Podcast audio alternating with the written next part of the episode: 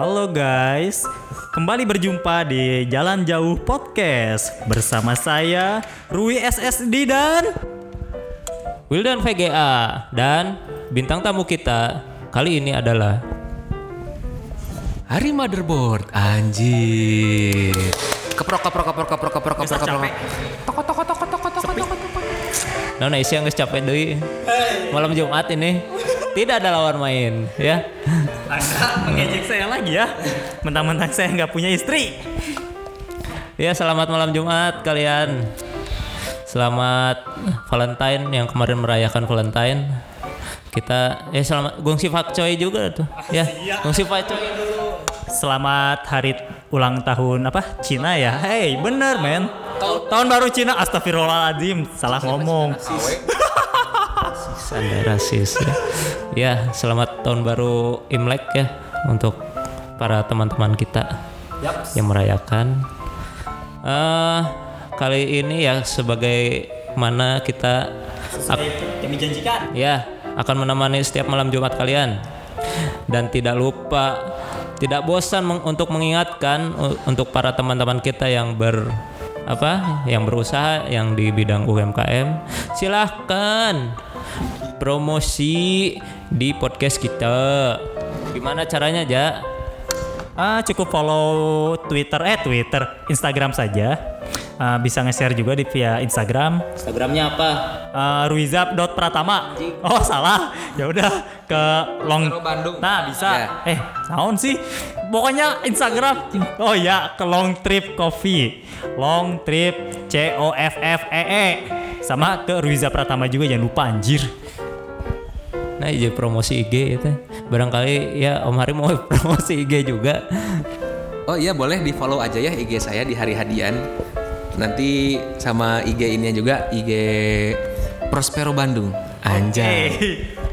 Bagi yang belum tahu Prospero Bandung itu apa, silahkan cek dulu. Nah ini termasuk kafenya Om Hari yang berada di jalan apa ini teh? Jalan panjang. Jalan panjang. Long Trip dong. Anjay. Jalan panjang. Orang jadi om-om ya di dia euy. Kan kita om. Anjir, aing jadi om. Atuh orang kolot euy. Ya bae lah yang penting om. Eh, jalannya di Jalan Terusan ABC nomor 21. Itu patokannya itu pokoknya mah warung cemar sama Masjid Cina.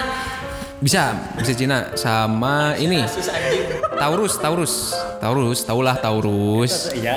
ya orang-orang Taurus pasti tahu lah yang buat beli ya itulah ya disensor ya Padahal nggak apa-apa kan malam Jumat lagi sunnah Rasul ya. Padahal Sunnah Rasul teh ngapain? kan itu iya kan dikasih minuman yang menghangatkan. Baik, baik. Ya, buat Baik yang sudah beristri ya.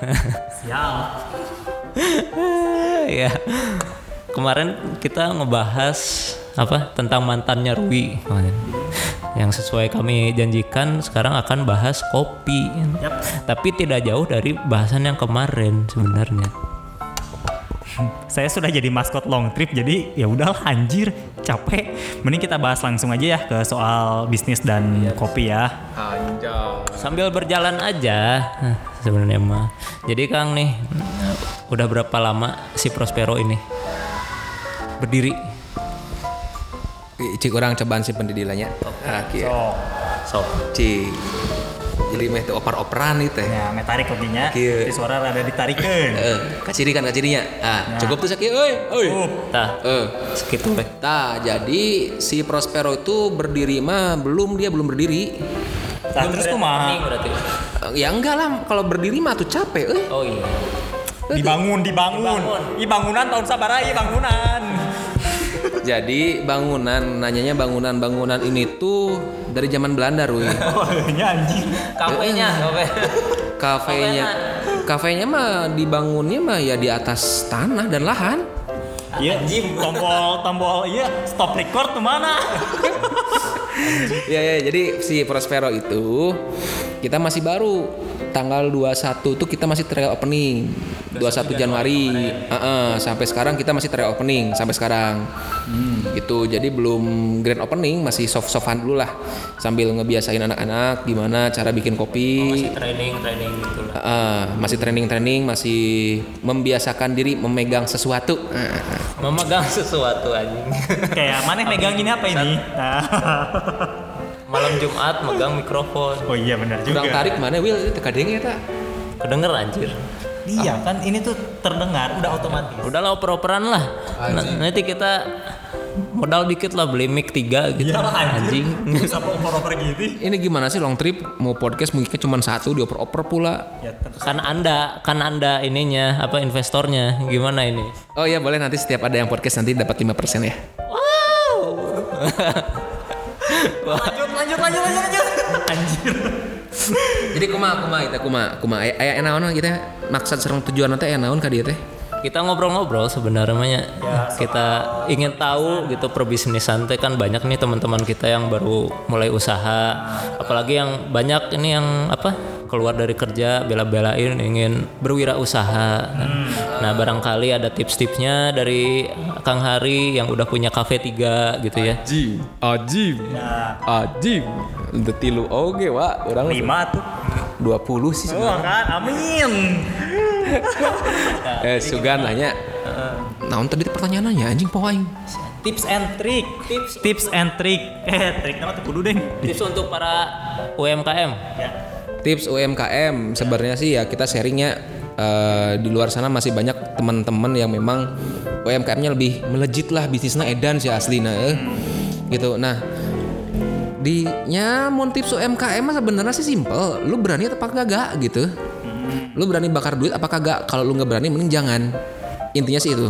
Heeh. Karena kalau lu bisnis ya pertama kali yang dilakukan adalah bakar duit dulu. Gak mungkin lu pengen bisnis Langsung tapi langsung untung. Ada satu Rui, apa? Apa tuh? ada satu yang kalau lu pengen bisnis ya, simple ini.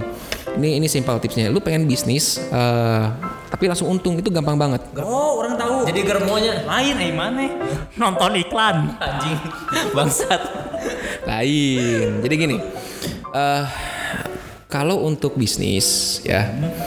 Misalkan Anda baru startup bisnis nih, pengen penghasilan langsung gede, itu bisa hubungin ke saya. Kalau nggak ke Rui bisa nanti oh invest Enggak, bukan invest. Kita jualan. Jualan. Iya. Itu jualan simpel teman-teman itu kita eh, ya kalau dibuka kan lah ya dari segi omset atau dari profit itu saya 3 juta per bulan. Eh sorry per hari. 3 juta per hari Iya 3 juta per hari itu bersih. tahun ya Itu kita saya kita tuh cuman jualan selang doang. selang Iya. Selang. Hmm.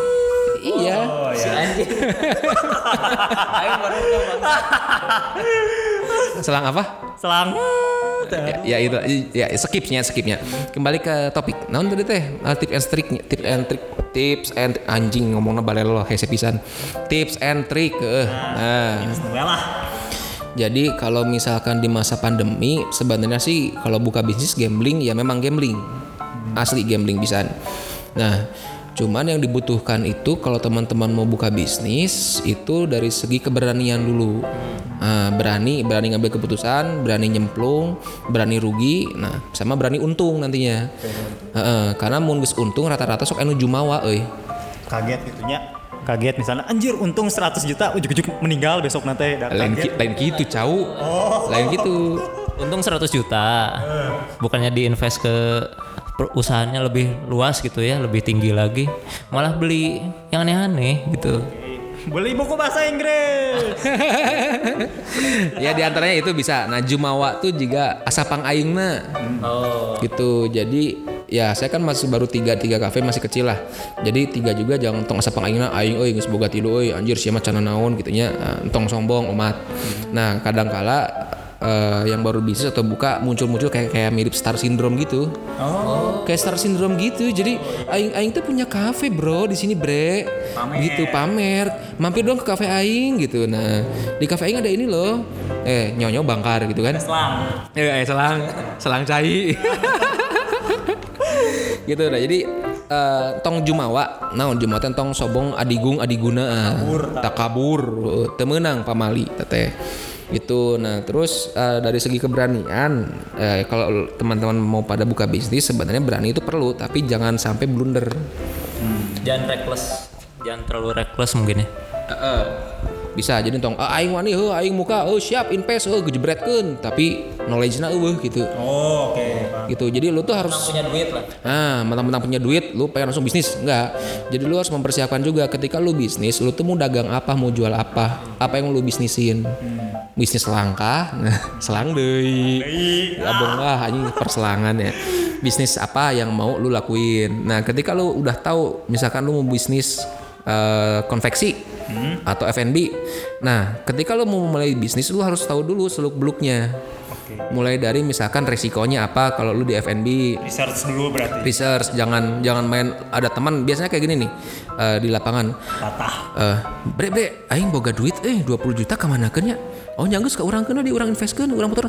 Oh heuh nya nyanggus orang ke mana ya oh heuh leungit we jelema nah nah. Banyak banyak ya gitu. Nah hati-hati yang kayak gitu. Berlandihkan dengan investasi gitunya. Edan pisan gitunya. Nah jadi eh, si uang itu eh sorry ya ketika lu punya duit lu harus punya knowledge-nya juga. Eh, lu harus tahu lu mau jual apa mau ke mau kayak gimana dan jualnya ke siapa. Gitu. Jadi targetnya eh, ada gitu. Kalau orang-orang manajemen biasanya sebutnya POAC bro.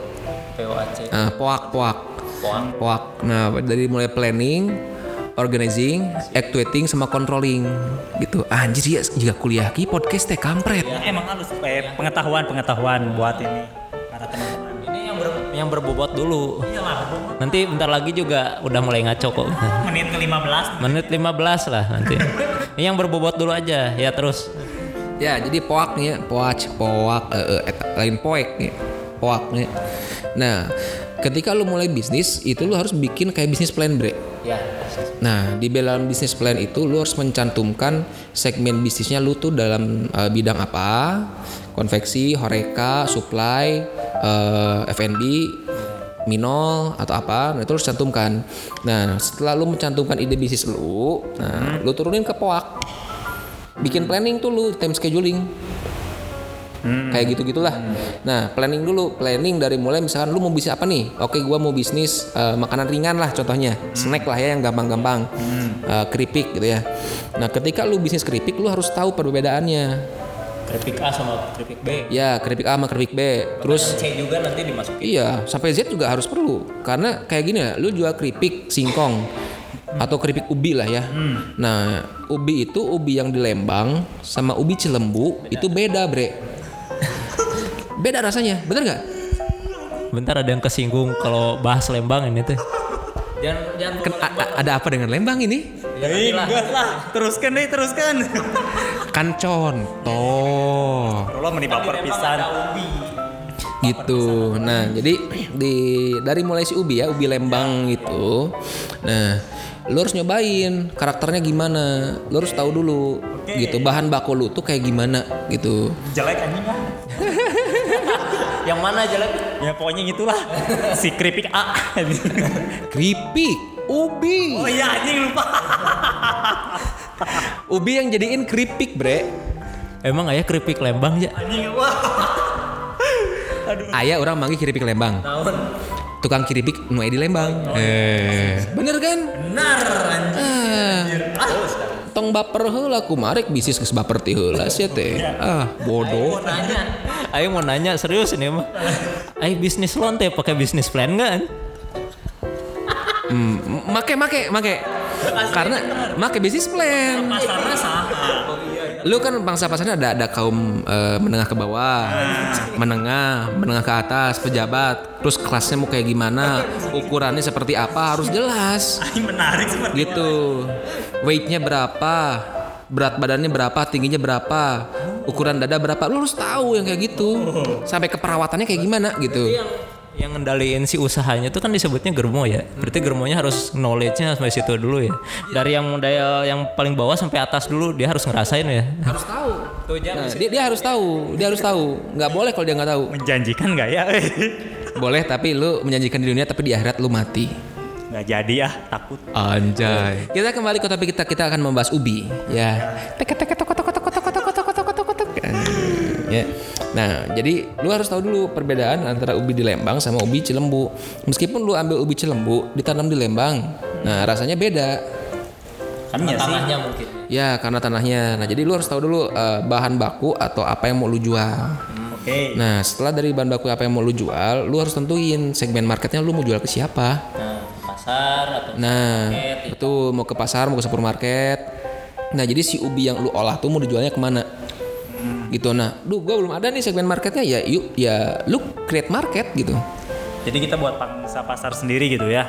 Ya, nah pangsa pasar itu ditentukan dari kayak misalkan kualitas bahan dasar lu, terus dari masa, eh, masalah packaging, rasa, gitu. Nah itu bakal sebanding dengan eh, pangsa pasar yang bakal lu sasar nantinya. Nah sekarang kalau lu cuman goreng ubi, nggak pakai bumbu, kira-kira menurut lu pasarnya ke mana?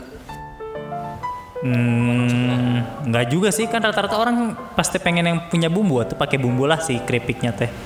I- ya ini kan kalau nggak pakai, Aing bingung jual ubi kemanaan. cek mana ke mana? ke warung. Eh, ke warung lah. Sana udah beli keripik ke warung. Anu penting mah barang aing kajual. Tanggung jawab warung. Itu kasananya. Nah, jadi hal di situ yang harus eh, lu tahu segmennya ke mana gitu. Lu mau jual ke mana gitu ya. Nah ke warung ke mana? Nah tentu dari segi rasa pun itu menentukan. Nah dari segi rasa itu eh, dari segmen-segmen apa bahan dasar lu sama packaging yang menarik. Nah nantinya bisa menentukan atau meng-create market lu tuh ke mana. Kalau teman-teman di sini yang pernah dengar keripik Maicih lah. Nah, Maicihnya, nah bacalah di Google lah gimana dia sejarahnya kayak gitu.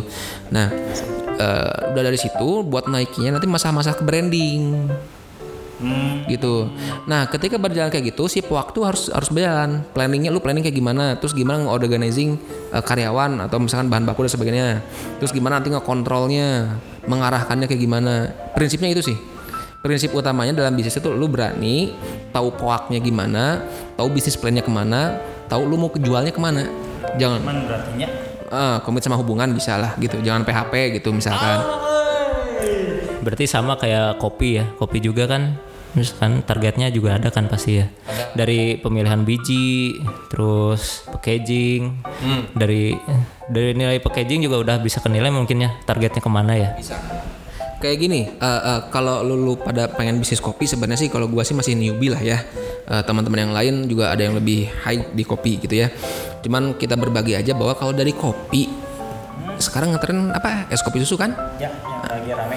ah es kopi susu nah kalau manual brew gimana nih marketnya sepi nah lu jangan idealis sekarang lu dari 100% misalnya lu buka di mana atau di Indonesia lah di Jawa Barat Bandung dah Ya. nah dari 100% itu eh 80% atau 70% itu orang kan baru tahu kopi dan ingin coba kopi bener nggak Ya.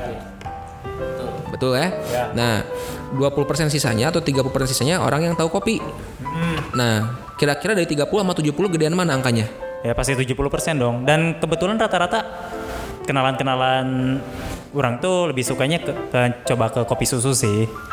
Nah, dari bisnis itu lu udah tahu segmen marketnya ke mana. Jangan nyasar yang 30%. Bukan yang nggak boleh. Lu bisa nyasar yang 30%, cuman eh, break even pointnya ntar lu lama. Gitu. Ya, nanti ada break even point, ada ROI juga gitu ya. Nah, itu itu bakal lama. Ya, jadi ya udah lu sasar aja yang 70. Mengenai produk, misalnya lu produknya mau kayak gimana, ya lu press HPP aja. Gampang gitu. Yang penting barang lu kejual, segmen marketnya ada dan gak banyak komplain. Udah tutup mata tutup telinga. Cuman tetap harus diperhatikan masalah quality produk. Gitu coy. Jadi intinya bagi yang mau usaha itu walaupun masih rumahan tetap punya bisnis plan ya. Ya. Harus punya ya. Ya, sekarang yang lagi marak yang rumahan itu eh, kayak apa long trip ya? Iya. Oh iya, long trip. Long, long trip itu eh, belinya ke mana ya? Belinya belinya udah ada di Grab, bisa cari iya long trip coffee sama di IG bisa pesan di IG juga kok. Cih, mantap. Supplieran dari mana ya? Aduh, bahaya ya. Disebut. iya. Jadi si Kang hari ini selain mengurus tiga kafe juga mensuplai ya, Supply ada. supaya ke bahan-bahan minuman juga ya, atau alat-alat kopi juga. Ah, kopi ada. Jadi gua mainnya main dari bahan baku eh, produk Horeca. Jadi kalau kafe mah untuk ya sekedar lah gitu. Cuman bisnis bisnis utamanya itu kalau gua pribadi di Horeca supply, supply and demand di mana eh, coffee shop coffee shop itu dia butuh beans kan, butuh beans, butuh creamer, butuh powder. Nah, gua supply dari situ. Serta alatnya. Berserta alatnya. Alatnya gua ngambil kayak misalnya teman-teman yang tahu ada Malkonig itu harganya 43 juta. Nah, di gua bisa dapat 30, 25. Jauh. Gitu. Cuman nanti Bisa di markup. Hubungi Rui. Nah selain itu juga kayak kayak mesin-mesin lo mau main Lamar Joko, eh, Simonelli, La Spaziale itu ada. Jadi tergantung lo mau ke yang mana gitu. Nah misalkan nih ada teman-teman kita yang mau usaha kopi, untuk startnya dia butuh berapa kira-kira? Eh, starting point ya, starting point kopi itu sebenarnya kalau budget home brewing itu 5 juta juga cukup, Bre. Iya, 5 juta cukup. Lo mainin kan sekarang ada Gojek sama Grab kan? Nah, lu cuman Hah? Kalau dia pingin punya kedai kecil gitu, nah untuk dari equipment sampai bahan itu kira-kira berapa? Kalau kedai kecil, kedai kecil itu dari equipment aja lu harus nyiapin angka 10, save-nya di 15. Equipment ya. Jadi kayak grinder, eh, terus mesin kopi yang yang murahnya, kalau nggak rock presso itu 15-an lah save-nya. Nah, terus untuk sewa tempat itu beda-beda. Save money itu lu kalau pengen buka kedai kecil, kalau buka kedai kecilnya lu di rumah sendiri, lu di angka 50 udah cukup. Total. total. All in. Bahan baku meja kursi terus equipment gelas kiasan dinding bisa. 50 gitu itu bisa. Bisa di press nggak? Bisa juga. Tergantung lu mau pangkas yang mana gitu ah, alatnya kualitasnya Dinding jadi nggak usah, nggak penting anjing. You know. Aing butuh men, bentar. Hitung-hitung duit nikah orang berapa ya? So, cukup kalinya duit nikah dipotong sama buat dis- duit bisnis. Bisa nggak kira-kira? Em, ya, ya- ya bisa wae sih nanti kita obrolkan untuk pemangkasan itu ya karena ada pengalaman tersendiri ya gitu ya. Jadi kalau kalau untuk eh, starting malah lu dari 5 juta untuk home brewing sendiri lu jual gojek modal packaging lah ya mo- modal botol dan sebagainya itu cukup. Itu cukup. Grinder yang murah yang ya sejutaan cukup itu. Nah tadi yang untuk rumahan tuh 5 juta cukup. home brewing ya home brewing 5 jutaan cukup. Kalau untuk sekelas nanti dia punya tempat dan sebagainya save money di antara 50 ke atas enaknya. Paling save mah di 100 100 juta tuh udah udah mantap lah ya. Untuk ukuran di Bandung ya. ya bisa Nah berarti kan gimana ya? Jadi ya bagi yang mau usaha kopi tuh bisa dikonsultasikan sama Om Kang Hari nanti. Asik. Om Hari, Om, Om jajanin Om. Om iPhone Om. Nah oke jadi ya sok silakan kalian nanti tinggal ke Prospero aja ya kalau misalkan ada yang konsultasi ya gitu mau misalkan masalah kopi konsultasi masa oh ya ngomong-ngomong konsultasi eh, si Kang hari ini S2 psikolog. Jadi bagi yang galau putus cinta keluarganya lagi sedang ada masalah silakan ke Kang Hari. Kumaha Kang? Jadi di sini tuh gue buka jasa berapa jasa ya jasa jual selang Kopi, selang. Oke, eh, ya ya serius ya. Jadi gua jualnya itu jasa. ya. Jadi kalau teman-teman mau konsul, ah, ya sharing doang. Sok main aja ke sini. Gitu. Ada tarifnya nggak? Ya kalau tarif promo ada. Tarif promo ada, hanya cukup tahu. Jadi gua nggak akan ngebukain dulu semuanya. Cara ngitung BEP, ROI, COGS dan sebagainya gitu ya. Itu nggak dibukain. Tapi lu Pak, mau tertarik eh, bagaimana cara eh, handlingnya, eh, alur kasnya kayak gimana, boleh nanti hubungin aja gitu hubungi di bawah ini gitu nah, hubungi langsung ke Prospero kalau yang mau konsultasi soal psikisnya gitu Iya. boleh boleh. Bisa nggak? Bisa nggak di sini? Bisa. Boleh boleh. Sambil ngopi gitu bisa. Oh. Pas di Pas kan? Buat aing kan orang juga banyak masalah hidup euy. Makanya orang rajin ke Prospero. Tapi tara ngobrol wae euy. Tara dibere ieu. Naon ngaranna solusi anjir. tuh si Rui teh kemarin mau curhat om. Deui wae. iya mau curhat. Soalnya si komiknya belum balik. Tetep Mending bahas ieu. bas edan Teu, mending bahas gini kan duit nikah 100 juta 50 juta buat bisnis kopi 50 juta buat nikah. Menarik kan sepertinya? Itu untung dua-duanya kan jadinya. Nikah dapet usaha kopi dapet. Iya. tapi kalau misalnya saya nggak mau usaha kopi nih mau invest aja bisa nggak sih? Ah 50 juta kasih aja ke Om Hari gitu. Tapi ya per bulan dapat lah istilahnya berapa gitu. Bisa nggak sih kira-kira? Karena orang teh males ngurusin kafe kopi dah Jadi mun hayang simpelnya gitu. Mana boga duit lieur ya, bung bung capek kalau anjing bangkuna teu ngeunaheun ruy kalau segede. Ah, kieu.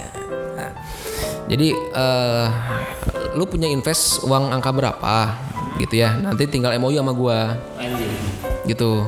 Lu MOU mau kayak gimana gitu. Lu mau baliknya kapan? Bisnisnya mau kayak gimana? Kalau mau ke coffee oke. Nanti gua kasih bisnis plannya seperti ini break even pointnya kapan? Eh, duitnya kapan nih masuk? Terus lu turnovernya kayak gimana? Karyawannya dari siapa? Profit buat lu tuh jangka panjang kayak gimana? Itu ada hitungannya semuanya. Cuma nggak karena disebutin di sini karena itu berbayar. Paid promote nantinya bayar 10.000 ribu untuk melanjutkan. Kan gitu biasa kan iklan Spotify. Iya. untuk per bulan. Ya, jadi yang untuk psikolog bisa misalkan teman-teman kita nih banyak yang galau gitu daripada nulis di FB gitu kan masang status tepuguh gitu. Nah, curhat mending ke Om Hari. Itu jamin biayanya terjangkau apa tidak untuk yang kaum-kaum yang sedang galau ini? Oke, kalau kalau yang mau curhat mah sebenarnya tinggal datang aja ngobrol mah ngobrol sepanjang saya nggak sibuk, gua nggak sibuk, ya oke. Janjian aja ke sini aja main gitu ya. Cuman kalau in case nanti ke depannya ada masalah-masalah kayak misalkan masalah berat lah ya gangguan mental lah nanti ke depannya ada misalkan bipolar lah atau misalkan lu eh, ada siklotimik yang sebagainya lah ya Eh, gangguan gangguan kepribadian ganda gimana eh? kalau lu kepribadian ganda eh. nah kalau yang udah sampai serius masalahnya ya lu sampai ke general anxiety disorder misalkan ya GAD eh, atau self injury lu nyilet nyilet gitu kan. Nah ya lu datang aja ke sini lu konsul boleh nah untuk tarifnya gitu mah lu- eh, tarif pengalaman gua pernah dibayar sama cuman selosin telur asin. Selosin. ya. Wow. Telur asin cuman sedus isinya 12 masalah nggak buat gua? Ya it's fine. Gitu. Lu kalau mau ada masalah oke ya lu ke sini aja sharing aja dulu ke sini gitu untuk tarif mah ya di- dibicarakan nanti lah kalau untuk tarif gua nanti dibuka praktek beda. Karena Eh, yang penting sembuh. Karena ini kan di long trip gitu. Jadi kan ada harga promo khusus ceritanya gitu. Jadi nggak usah ke tempat praktek gitu kan. Kalau di tempat praktek kan nanti bayarnya per jam cok. Hmm. selang lagi di sini. Iya. Lu bayangin aja per jam empat setengah. Per jam 450 ribu ya? Anjing berapa Per jam 450 ribu. mending rental PS aing Per jam loh itu, belum PPN. Nah ini gua podcast di long trip mau berapa jam ini? jangan tahu lah sewa ini aja mending mending kasih ini banyak kopi long trip aja Anjing, eta kopi nugget si eta anjing. Kopi long trip, kopinya kan di aing sia teh kumaha. Ah, liar. Kan di beja ya masih Om Hari itu investor kita. Nah. eh gitu jadi lamun aya masalah sok ka dieu teu naon. Lu mau mau ngomongin masalah bisnis kopi, lu mau rencana mau bikin kopi kayak gimana, lu ada masalah sama keluarga dan sebagainya, mau curhat it's okay. Kalau yang lagi dijalanin sekarang itu masalahnya ialah masalah gangguan di bukan di kelamin ya, tapi dia gangguan orientasi seksual. Itu ada yang lagi dihadapin sekarang. Eh gitu. Sebutlah namanya si X gitulah. Nah itu sedang sekarang masih berjalan. Masih berjalan. Oh berarti sekarang tuh ada ada lagi ada pasien gitu ya, Lagi, klien berjalan. Tuh. Jadi jadi anda mau aja? someday iya ngomongin soal ini aja. Variam bisnis. Dah kasih aja duitnya. Dah itu orang mah. Orang mah udah gangguan mental. Ya udah dari lama. Jadi ya udah bodo amat aing mah Jadi si Riza ini katanya mau nikah tahun ini aja. amin aminin aja aminin aja amin Jodohnya udah aja aja. ah Bismillah lah semoga Enggak satu ulah bahas sih beda beda bahasan oke Ya oke Kang. Jadi ya Om. Ba eh, nah, Om. Kumaha sih? Om. Om nya. Eh, Guys Om jadi bagi yang mau usaha ya kasih Om Hari aja nanti terus yang mau konseling juga silahkan. Nah Kang eh kan kenalan. Nah Om jadi ada temen nih, eh, ada bukan temen sih, apa ya? kenalan. Bukan kenalan juga apa ya?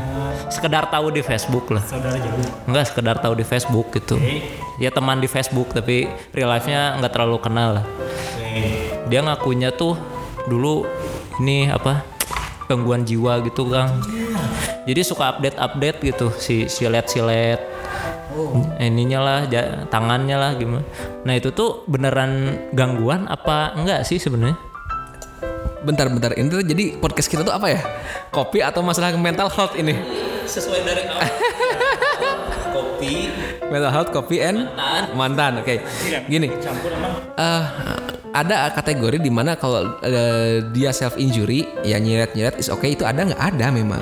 Ada itu memang ada gitu ya nutupin kang ada gorken hulu lah dan sebagainya itu ada itu tapi mereka nggak akan sampai mati dia hanya self harming dia cuma nyakitin doang Am- Enggak maksudnya emang yang kayak itu tuh banyak.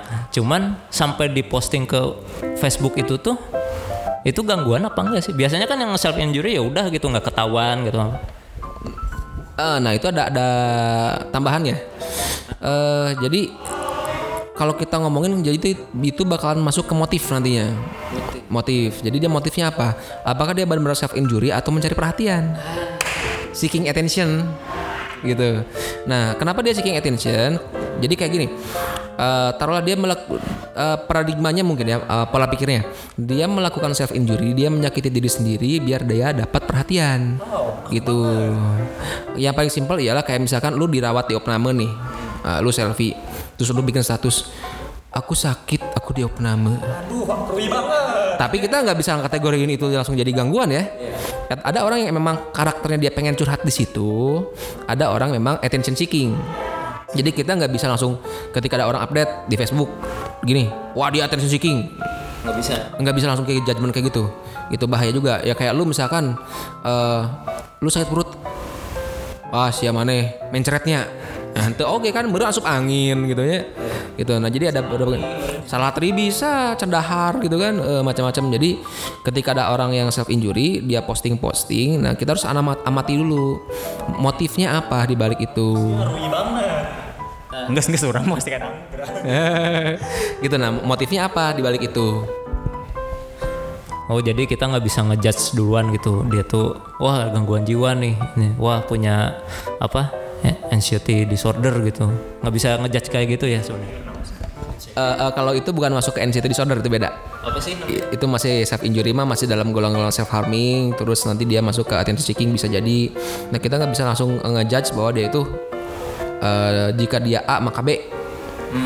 Gitu karena eh, manusia itu dia punya apa ya pemikiran sendiri persepsi dia sendiri. Kita belum tentu sama dengan persepsinya dia gitu jadi kalau dia ada yang mau kayak- mau posting-posting ya kita mah enjoy aja nonton weh Jadi intinya mah sosial media dia ya udah sosial medianya dia gitu ya. Misalkan dia posting apa ya udah kita cuek aja. Kalau emang merasa terganggu ya unfollow kan ada itu ada tombol unfollow kan. unfollow titik tiga pilih blog Ah iya benar. Iya ada di situ. Sekarang atau ada di Facebook itu take a break. Jadi istirahat dulu untuk ngelihat. Ya ada. Buka gerakan. Nah kalau untuk orang yang self diagnose itu gimana itu? Suka ada tuh. Rugi banget. Anjing.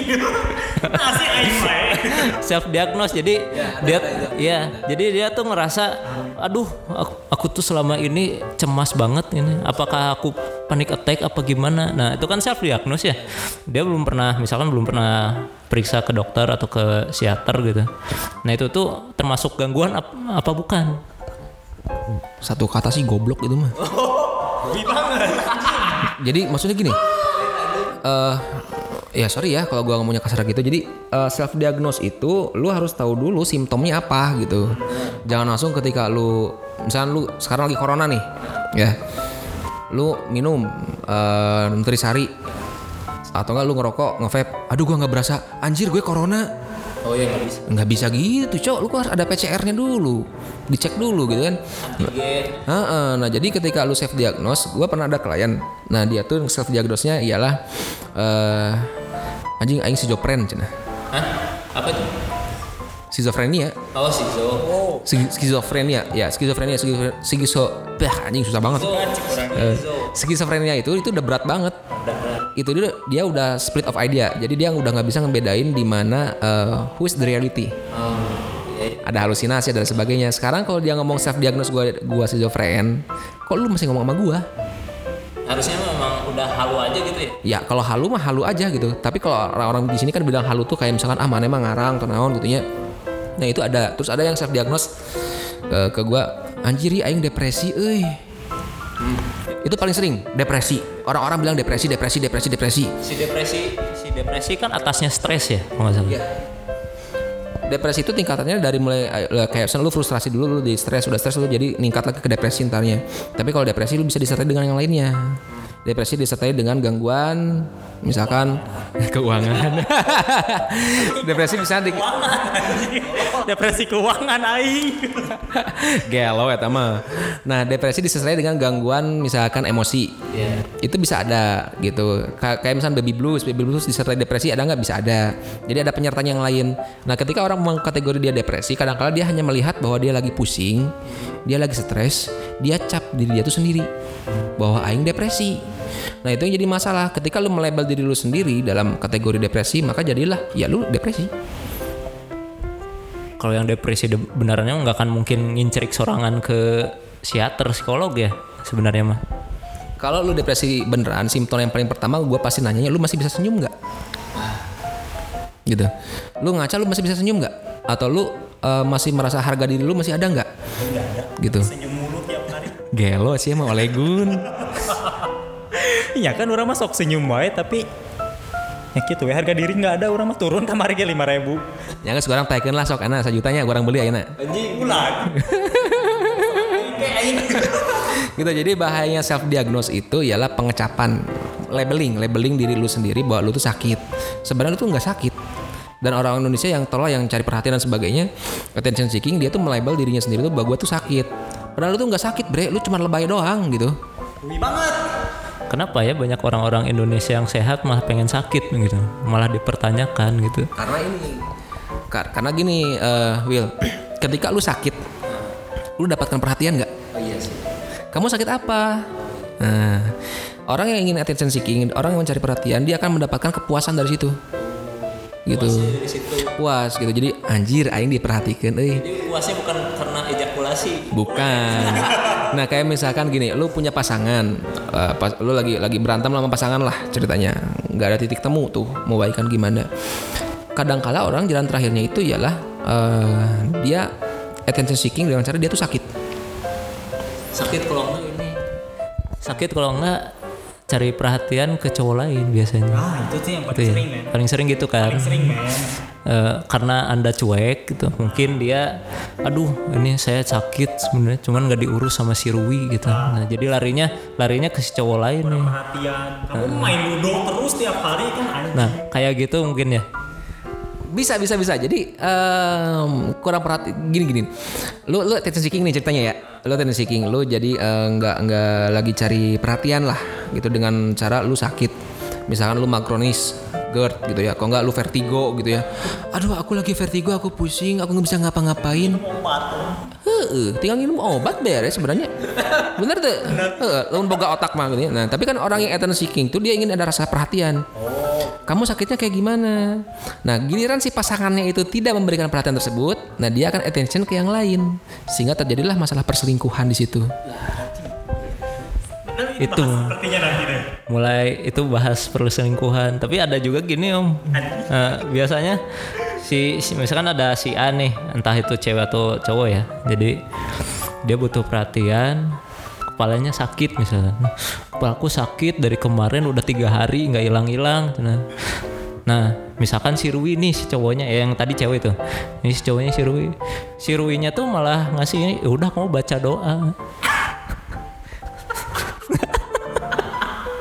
Dibacain lah doa ya sama si Rui itu. Sembuh. Eh iya hilang. Terima kasih loh. Nah itu apa itu? Eh kumaha aja tadi Teuing orang juga. Kita tanya sama yang ahlinya dong. Eta mah karena keur ngabodus cau. Jadi lu baca doa. Ya sekarang uh, uh, uh, tahu dari mana orang tersebut lu bacain doa lu tinggal bilang aja chat. Udah gue baca doa. Iya gue sembuh. Anjir ajaib banget gitu kan. Padahal Enggak katanya kan ketempelan cenah. Kan ya mumpung malam Jumat jadi meh rada horor ke ketempelan cenah tiga hari teh udah sakit kepala terus terus menerus terus punggungnya berat. Nah nah sama si Rui teh dikasih tahu udah baca surat ini ini. Setelah dia baca eh sembuh katanya. Luar biasa. Padahal Padahal orang cuma ngasih doa ini masuk WC sama ini apa namanya niat puasa Ramadan. berarti anu macana bodoh. Nah ada itu itu, ada kasusnya ada, ada jadi em, sebut saja dia X ya. Nah salah satu klien ya dia itu bilang bahwa eh, aku harus dirukiah. Nah, kita pernah ada gimana kan kalau dirukiah anjir ayah jin anjir ayah juri gitu ya nah karena malam Jumat lagi itu kan kampret gitu kan. Nah apaan nih dirukiah gue nanya kan emang lu dirukiah kenapa? Iya soalnya aku tuh selingkuh terus. Heh? Anjing. Kan- ini tepat sekali nih anjing. jadi eh, itu pengalaman dan itu pun terjadi terhadap mantan saya. Bentar bener masuk ini. Cek aing ini obrolan podcast ini kopi bisnis psikologi ya psikologi sama mantan. Nah jadi eh itu mah bukan dari masalah rukiahnya cok. Terus? Itu mah emang udah karakter orangnya kayak begitu tukang selingkuh gitu kasarnya ya udah lu jangan menyalahkan masalah agama rukiah dan sebagainya menyangkut pautkan hal tersebut. Kami hitamkan. Iya seolah-olah agama tuh jadi kambing hitam bahwa dia tuh sakit. Dia tuh ketempelan sama jin Jinnya jadi playboy atau jinnya jadi playgirl gitu ya Jadi fuckboy. Ya kayak gitu-gitu ya. Enggak Sekarang kalau emang dia sakit Kayak gitu diduk ya beres oke beres. Logikanya dia gak akan kambuh lagi. Logikanya. Tapi kalau udah dia kambuh lagi berarti ya emang geus karakterna cong geus emang kita tinggal ke nu kitu mah keur naon Jadi mau gimana dia usaha juga rukiah, terus ke psikolog, psikiater, minum obat yang dari psikiater nggak akan ngaruh ya sebenarnya mah. Kalau emang karakternya udah selingkuh mah ya udah selingkuh gitu. Ya jadi gini, eh, eh, maksudnya bukan karakter mungkin kepribadian lah ya. Jadi prinsipnya adalah kepribadian itu suatu tingkah laku yang berulang, cok. Gitu. Jadi lu tuh kalau lu dibilang pemarah, wah si Wildan orangnya pemarah. Berarti lu harus memunculkan secara konsisten perilaku perilaku marah lu. Lu marahnya kayak gimana, kayak gimana, kayak gimana, kayak gimana. Maka lu bisa didiagnosa, oh sorry bukan diagnosa. Lu bisa dicap bahwa lu tuh orangnya pemarah gitu. Nah, ketika kepribadian itu adalah satu tingkah laku yang berulang, maka kalau kita ngecap dia tuh player, dia tuh playboy dan sebagainya, nah tingkah laku dia itu berulang atau kagak atau kagak? Atau emang dia itu memang hobi. Hobi dalam artian dia ah ada aing mah yang butuh fans unggul. Loba fans orang ngeunah gitu nya. Untuk kalian yang hobinya selingkuh-selingkuh sekarang ada situs yang menyediakan untuk fansnya banyak, OnlyFans. Oh benar sih anjing. OnlyFans kalian bisa dapat duit lagi di situ. Daripada selingkuh sama cowoknya, cowoknya tidak benefit ya sudah, Anda buka OnlyFans. Benar juga sih. Iya kan? Betul kan? Itu betul, cowoknya nggak benefit. Betul ya, bisa bisa bisa. Tapi tugasnya begini loh, Bre. Eh, kadang kan eh, cowok itu kan ngeliat cewek apanya sih? Eh, untuk general ya cowok, cowok ngelihat cewek pasti fisiknya dulu biasanya, biasanya ya. Kalau kalau cewek lihat cowok apanya? Apa ya? Ini ini nasi ruin Kalau orang sebagai posisi sebagai cewek melihat cowok tuh pertanggungjawaban dan kejujurannya. Curhat si anjing. Galau eh. Ya ini, ini udah jadi rahasia umum lah ya. Jadi kalau cowok lihat cewek itu pasti fisiknya dulu. Nah, lu itu tipe gua atau enggak sih? Tapi kalau cewek lihat cowok itu pasti duitnya dulu. Manner, duit dan sebagainya. Itu ya hal yang wajar itu nggak nggak nggak masalah menurut gua ya. Itu hal yang wajar. Justru kalau cewek bilang aku maunya yang setia kok aneh itu. Itu bullshit. Bullshit itu. Karena pada dasarnya cewek itu memang lihat cowok tuh duitnya. Nah, makanya yang jadi cowok lu cari duit banyak-banyak cari duit yang banyak. Lu kan pengen pengen ceweknya cantik kan lu lihat fisik, modalin tuh cewek lu pakai duit lu, skincare dan sebagainya. Bahagia kan? Ceweknya bahagia dapat duit. Cowoknya juga lihat ceweknya anjir cantik gitu. Nah, enak. Tapi kalau cewek atau cowoknya udah player dari situ udah tinggalin aja. Jadi gimana aja? Ya, jadi gimana aja? Kan tahun ini mau nikah nih, udah dapat wajangan dari si Om Hari nih. Jadi duitnya mau dipakai nikah atau pakai usaha dulu atau invest dulu? Karena ini mas sulit sekali, eh.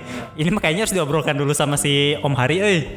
Untuk masalah ininya dan harus sama si ceweknya juga, eh. Harus diomongin. Yang penting jujur dan bertanggung jawab, aing mah. Jadi udah komitmen dulu aja ya. Kita, nah berunding dulu sama ceweknya ya. Nah, ya berhubung udah sejam, eh, belum sih, udah.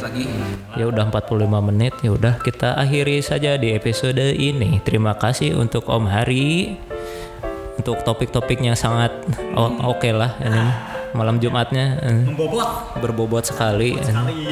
Jadi sekali lagi bagi kalian yang ingin konsultasi ke Mohari silahkan datang ke Prospero Bandung di Jalan Bance ya. Eh terusan ABC, terusan terusan ABC depan si teras Cikapundung. Ini tempatnya enak, ada dua lantai. Di bawahnya tuh ada kursi yang di luar gitu untuk outdoor area, gitu. Terus ada ruangan merok berase dan ini yang untuk merokok ya smoking area.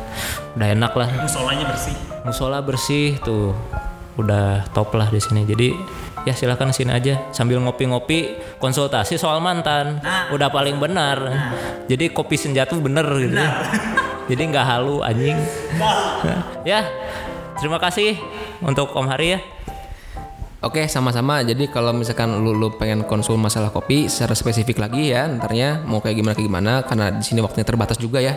Kasihan yang editnya banti banyak-banyak jadinya ripuh ya. nah, ya lu tinggal datang aja ke sini, kita ngobrol bareng, ngopi bareng. Kalau ada masalah eh, psikologis ya lu tinggal konsul aja. Cincai lah sambil ngopi. Jong Jon Gi- gimana Rui? Ah, ini setuju sekali. Oh, ah, kalau minta diskon bisa sih. Langsung ke yang punyanya aja. cara diskonnya gimana Oh, buat dapat diskon pokoknya kalau yang kalian pengen ke sini dan pengen dapat diskon bisa tag dan storynya Prospero. Eh lah, ini capek orang nunggu jelas kan udah orang malah nu boga ya.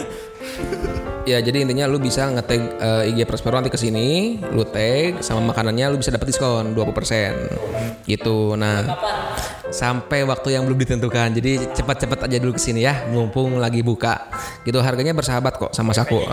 Wifi-nya kencang, rasanya juga enak. Kalau ada apa-apa tinggal lu bilang aja sama gua mau apa.